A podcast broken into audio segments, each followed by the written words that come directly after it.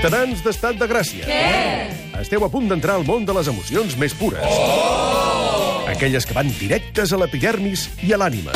Aquest, i no altre, és el poder de la música. Siguem tot orelles perquè arriben els subsecretaris d'Afers Musicals, el rapsó de Pep Blai i el mag de les blanques i les negres, eh? les tecles blanques i negres, que s'entén? Joan Pau Chávez.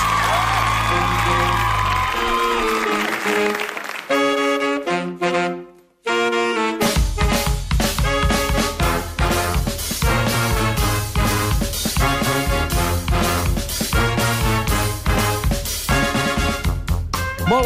Joan Pau Chávez. Bona tarda, president Com Pep Blai. estàs, Pep Blai? Com estàs? Bona tarda.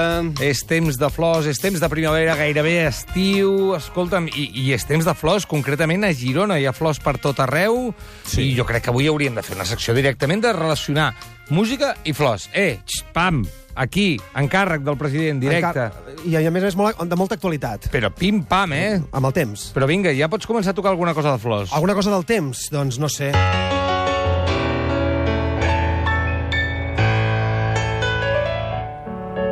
Què et sembla? Ara. Balla amb mi, Pep Blai. Oh, una volta, i una volta, i una altra.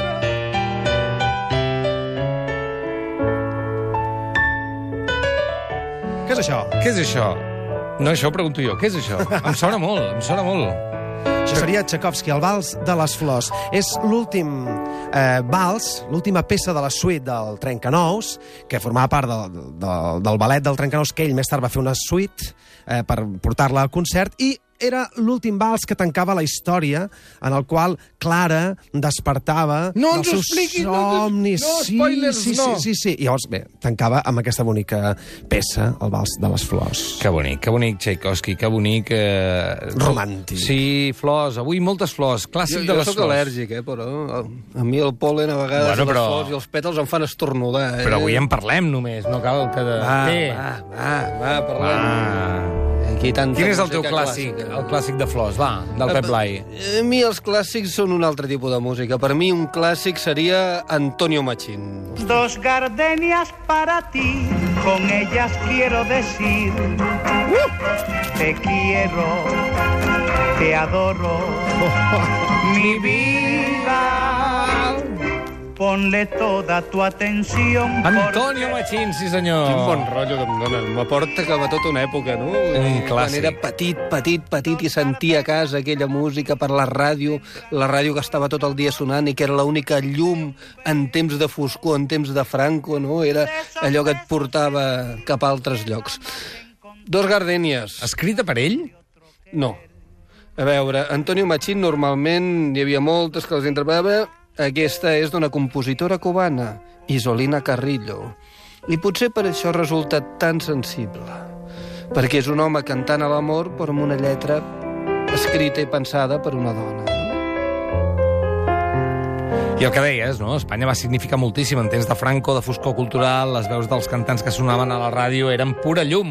Sí, era, a veure, Machín era cubà i va ser el primer negre solista al casino de l'Havana i tenia un futur, però bueno, va exiliar-se amb la revolució de Fidel, va provar fortuna a Nova York, a París, i el 1939, escapant-se de la, de la Segona Guerra Mundial que venia, va anar a parar la postguerra espanyola i s'hi va quedar. Es va acabar casant a Sevilla, i bé, jo la veritat és que, que és un personatge que Tu l'havies sensibilitat sentit? per l'amor, sí, de, de L'havies petit. sentit de petit. Sobretot perquè el meu oncle la cantava sempre, cantava Machín sempre als dinars.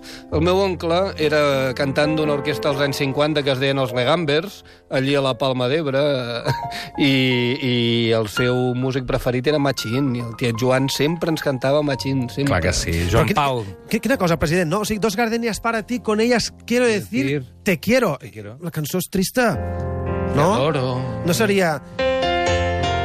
No, és això, és, és, és, és, és trista. Els acords són... Així. No és... No, és que curiós, no? Per dir-te t'estimo eh, amb aquestes gardènies, però una mica tristón. Una mica de... És la cosa del bolero, no? Eh, Sí, però Joan Pau, una cosa, la lletra que ve després diu y si se mueren es porque han adivinado que tu amor se ha terminado. Exacte, vol dir ja- que no ja les estem cuidant, no les estem cuidant, les roses. Però Bolera les ja ho té, no? Aquesta cosa de l'amor estripat, de l'amor des de la tristesa, la melangia, tot sí, això. la nostàlgia, sí, sí, sí. sí. Bueno, a veure, n'hi ha molts de, de majors, no? El sabor a mi, la mentira, bé, hi ha moltíssims, no? Contigo la distància, no? Però el reloj, si tu me dices ven, dos gardènies, és aquesta cosa tan, tan tristona, no?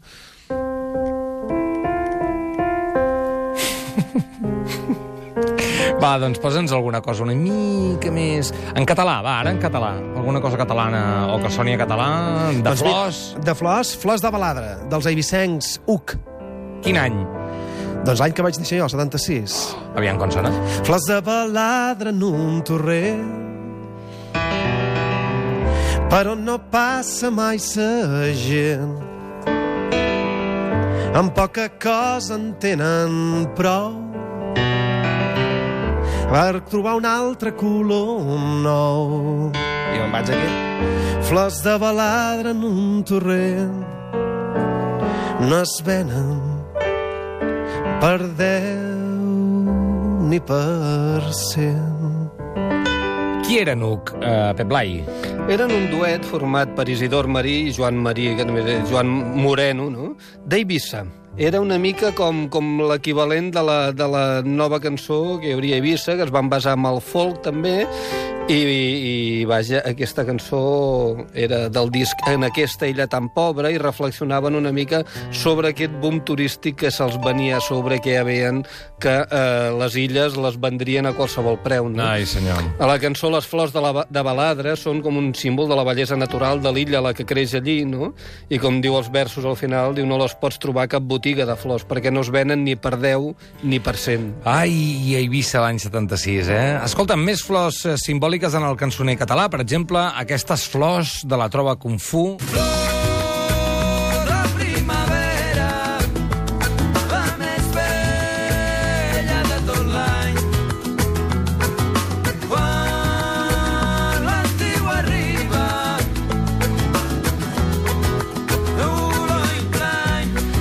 especial flors i música aquí, perquè és temps de flors, ja ho sabeu, a Girona i a tot, a, i a tot arreu, perquè veus flors per tot arreu. Nosaltres hem passat per les gardènies, les baladres, la ginesta... La ginesta era d'aquesta de flor de primavera, que no hem Sí, dit, eh? exacte. I La ens faltarien les roses, que és la, la, la, la, la flor per excel·lència de la música. Fa, fa, fa pudor la rosa, ja t'ho dic ara. Vull dir, és la que sí. Han fet servir tantes vegades i per tants tòpics, però jo tinc la teoria que hi ha una cosa que és molt poètica de les roses, que és que tenen una doble cara. Fan el paper de bones i de dolentes, Sí, sí, senyor. perquè les roses són boniques, però també punxen. I això els, els cantautors els hi va molt bé per fer molts cims. Exacte, és la metàfora perfecta d'un amor que t'agrada i et fa mal al mateix Tots temps. els amors punxen, xiquet. No hi ha res que sigui allò, allò, allò que t'ho posin amb vaselina, no hi ha res, Eh? xiquet. Doncs jo crec que hauríem de fer una rosa que enamori i una que punxi. Per quina comencem? Va, per la que enamori. La que enamori aquesta.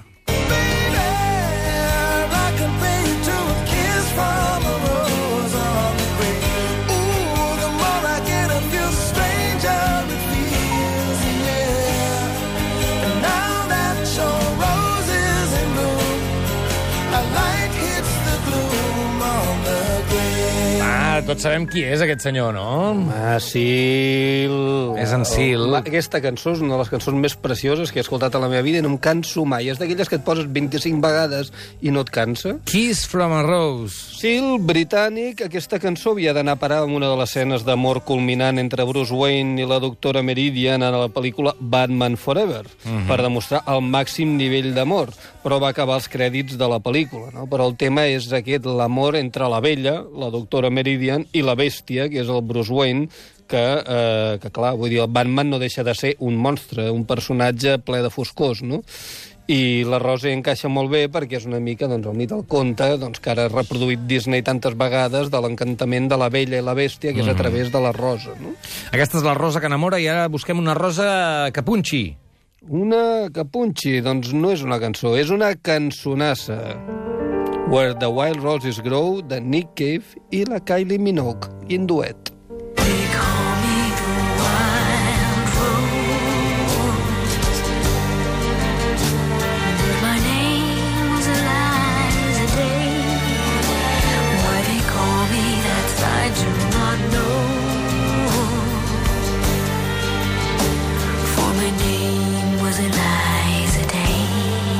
Cave i Kylie Minogue vindrien a ser una mica la bèstia, en aquest cas, i la vella, no? Perquè Nick Cave és la foscor, també, una mica, i És ella la- és la la- lluminositat, la discoteca, tot això, no? Correcte. Més que, uh, Nick Cave seria la foscor més que la bèstia, diguéssim. Sí. No? Perquè vull dir, moltes Bueno, bueno, però- noies que el troben molt no, no, no, no, no, jo no parlo noies, físicament, eh? Dir parlo de la bèstia que porta dintre. Vull dir, Però perquè sí, és un senyor, sí. un senyor amb una tortura interior interessant. Correcte. Bueno, tots dos són australians i doncs un era el, el, el, el rei de culte, no?, de, dels sectors més independents, més alternatius. Nick Cave és tot un referent i la Kylie Minogue, en canvi, un referent hipercomercial, no?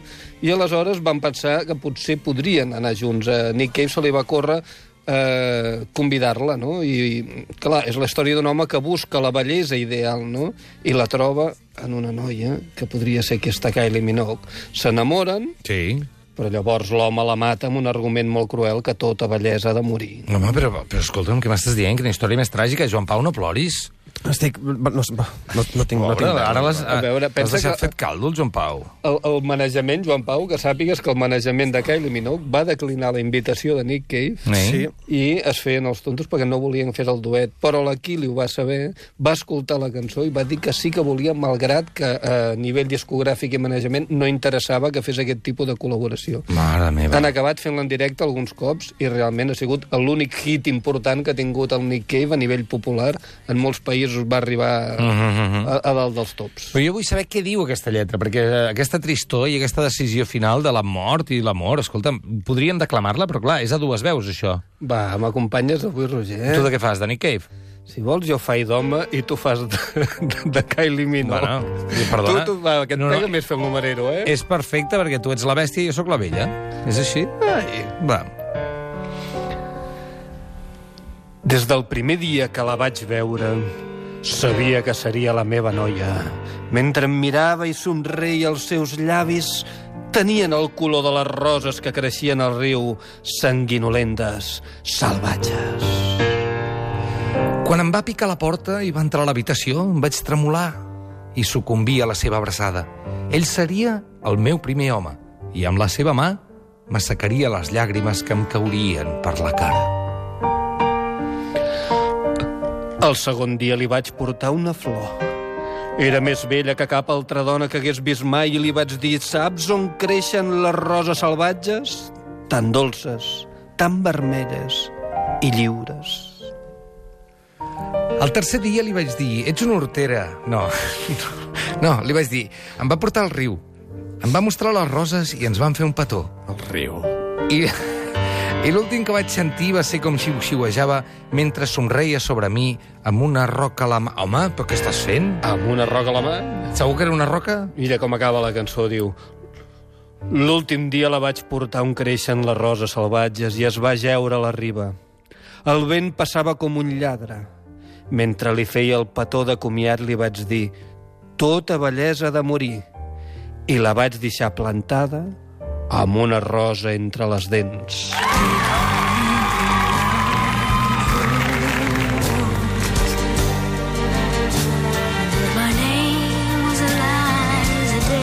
De, em sento, em sento que aquesta primera cita, vaja, m'esperava una altra cosa que no morir. Ah, fatal, sí, sí. Sí, es quedem, quedem. és que no té continuïtat, no hi ha una segona cita. Vine, vine, que t'ensenyo el riu. Pam! Cop de roc. S'ha acabat, s'ha acabat, ja està. acabat. Com va anar la segona cita? No ho sé, perquè estava morta. Jo no, no t'ho puc dir. És una pena, però... Ja. Nick Cave, interpretat avui per Pep Blai, moltes gràcies. Gràcies, Roger. Què he interpretat jo? El president ha fet de Kylie no Grà- gràcies. Ah, no me'n recordava. Gràcies. No me'n recordava. Està viva, per cert. Ai, una cançó bonica, una cançó folk, una mica balset, no? Tot plegat. Sí, molt fosca, menor, però és que, clar, la, la, la, la, la, la, el que la torna fosca, a part de la, de la història que està explicant, és aquest to de veu del Nick Cave super ultra tumba, que a vegades hem parlat d'aquestes veus d'homes, eh, amb un balset com molt etern. Abans parlàvem del balset de Tchaikovsky, no?, que és com molt més viu, pensat per ser ballable, això seria gairebé per ser ballat, però... En un cementiri. En un cementiri, exactament. Sí. Quina tessitura és Nick Cave? És, és ultratomba? Aviam, un moment. Ell, uh, quan fa... No, no, Ui, ui, mira, ara el Joan Pau està fent aquella cosa de quan no arribem al to, que baixem el cap una és que, mica... clar, jo, jo no tinc gens de registre baríton ni, ni, ni baix, però ell arribaria a un registre de baix, a un re, a un re, que és quan amb octava alta A seria... veure, provem. Seria això, doncs, octava baixa. Mm, Da, da, da, da, da. Que jo no ho fem. Do, do, do, oh. Hòstia, Aquí, estic, aquí, m'estic aquí, mirant, el, aquí, m'estic aquí, mirant el aquí. Malik, ja. Estic Aquí, la barbeta al Malik. Molt, molt, molt. Bueno, però és que la Kylie Minogue també, també hi arriben aquí. Ah, sí? Hòstia. Sí, sí, sí, sí, sí, sí. sí. I en canvi amunt deu arribar molt amunt. Vull dir, és un registre ample, el de la Kylie Minogue. Però ella, ella també està fent aquest uh, tros de melodia, per tant...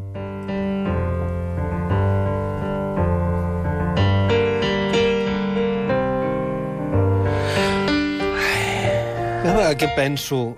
Que el Nick Cave va triar la Kylie Minogue per fer una cançó en la qual ell l'acaba matant, tio. Vull dir, dir, quina Ah, que no, mala hòstia. Que no hi hagi un missatge aquí, eh, també? Oh, no m'estranyaria. que musicalment gens no la suporti i la vulgui matar amb una cançó? No se sap mai. Jo crec que, a veure, també, ell va xupar molt de les balades d'assassinat, que és un gènere d'aquests que el Far West xup, tirava molt, eh? Vull Sí. dir, però bueno, ja en parlarem algun Per dia. cert, hi ha un documental fantàstic del Neil Cave, no sé si l'has vist, que es diu 20.000 dies a la Terra. Preciós. Preciós, eh? Ell explica la seva relació amb la creació musical i la tortura que li suposa la creació musical i la seva relació amb la vida. Em sembla que està a Netflix. Si, si la busqueu, la, la podreu veure i és molt xula. Va, Joan Pau, una última flor que ens falta. Quina? Doncs mira, trio una flor que en anglès es diu Buttercup, Uh -huh. que és aquella cançó que fa...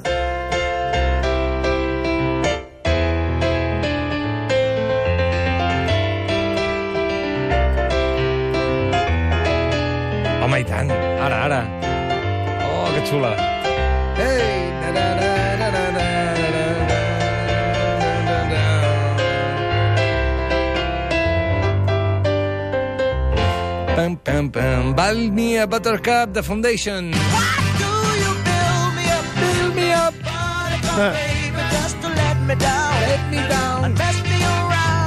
Worst of all, never thought, baby, when you say He triat aquesta cançó perquè, mira, just en aquest moment hi ha una progressió amb el baix que és descendent, que indica que la cosa s'acaba. O sigui, el que prepararíem la cadència final. És una progressió que el baix va fent aquesta melodia. D'acord? Una progressió harmònica que ens porta cap a la cadència i que ja et dona aquest caire de, de, de final, de final d'història. Doncs això és el final de la Filarmònica. Moltes gràcies, Joan Pau. A Moltes gràcies. Pep Blai.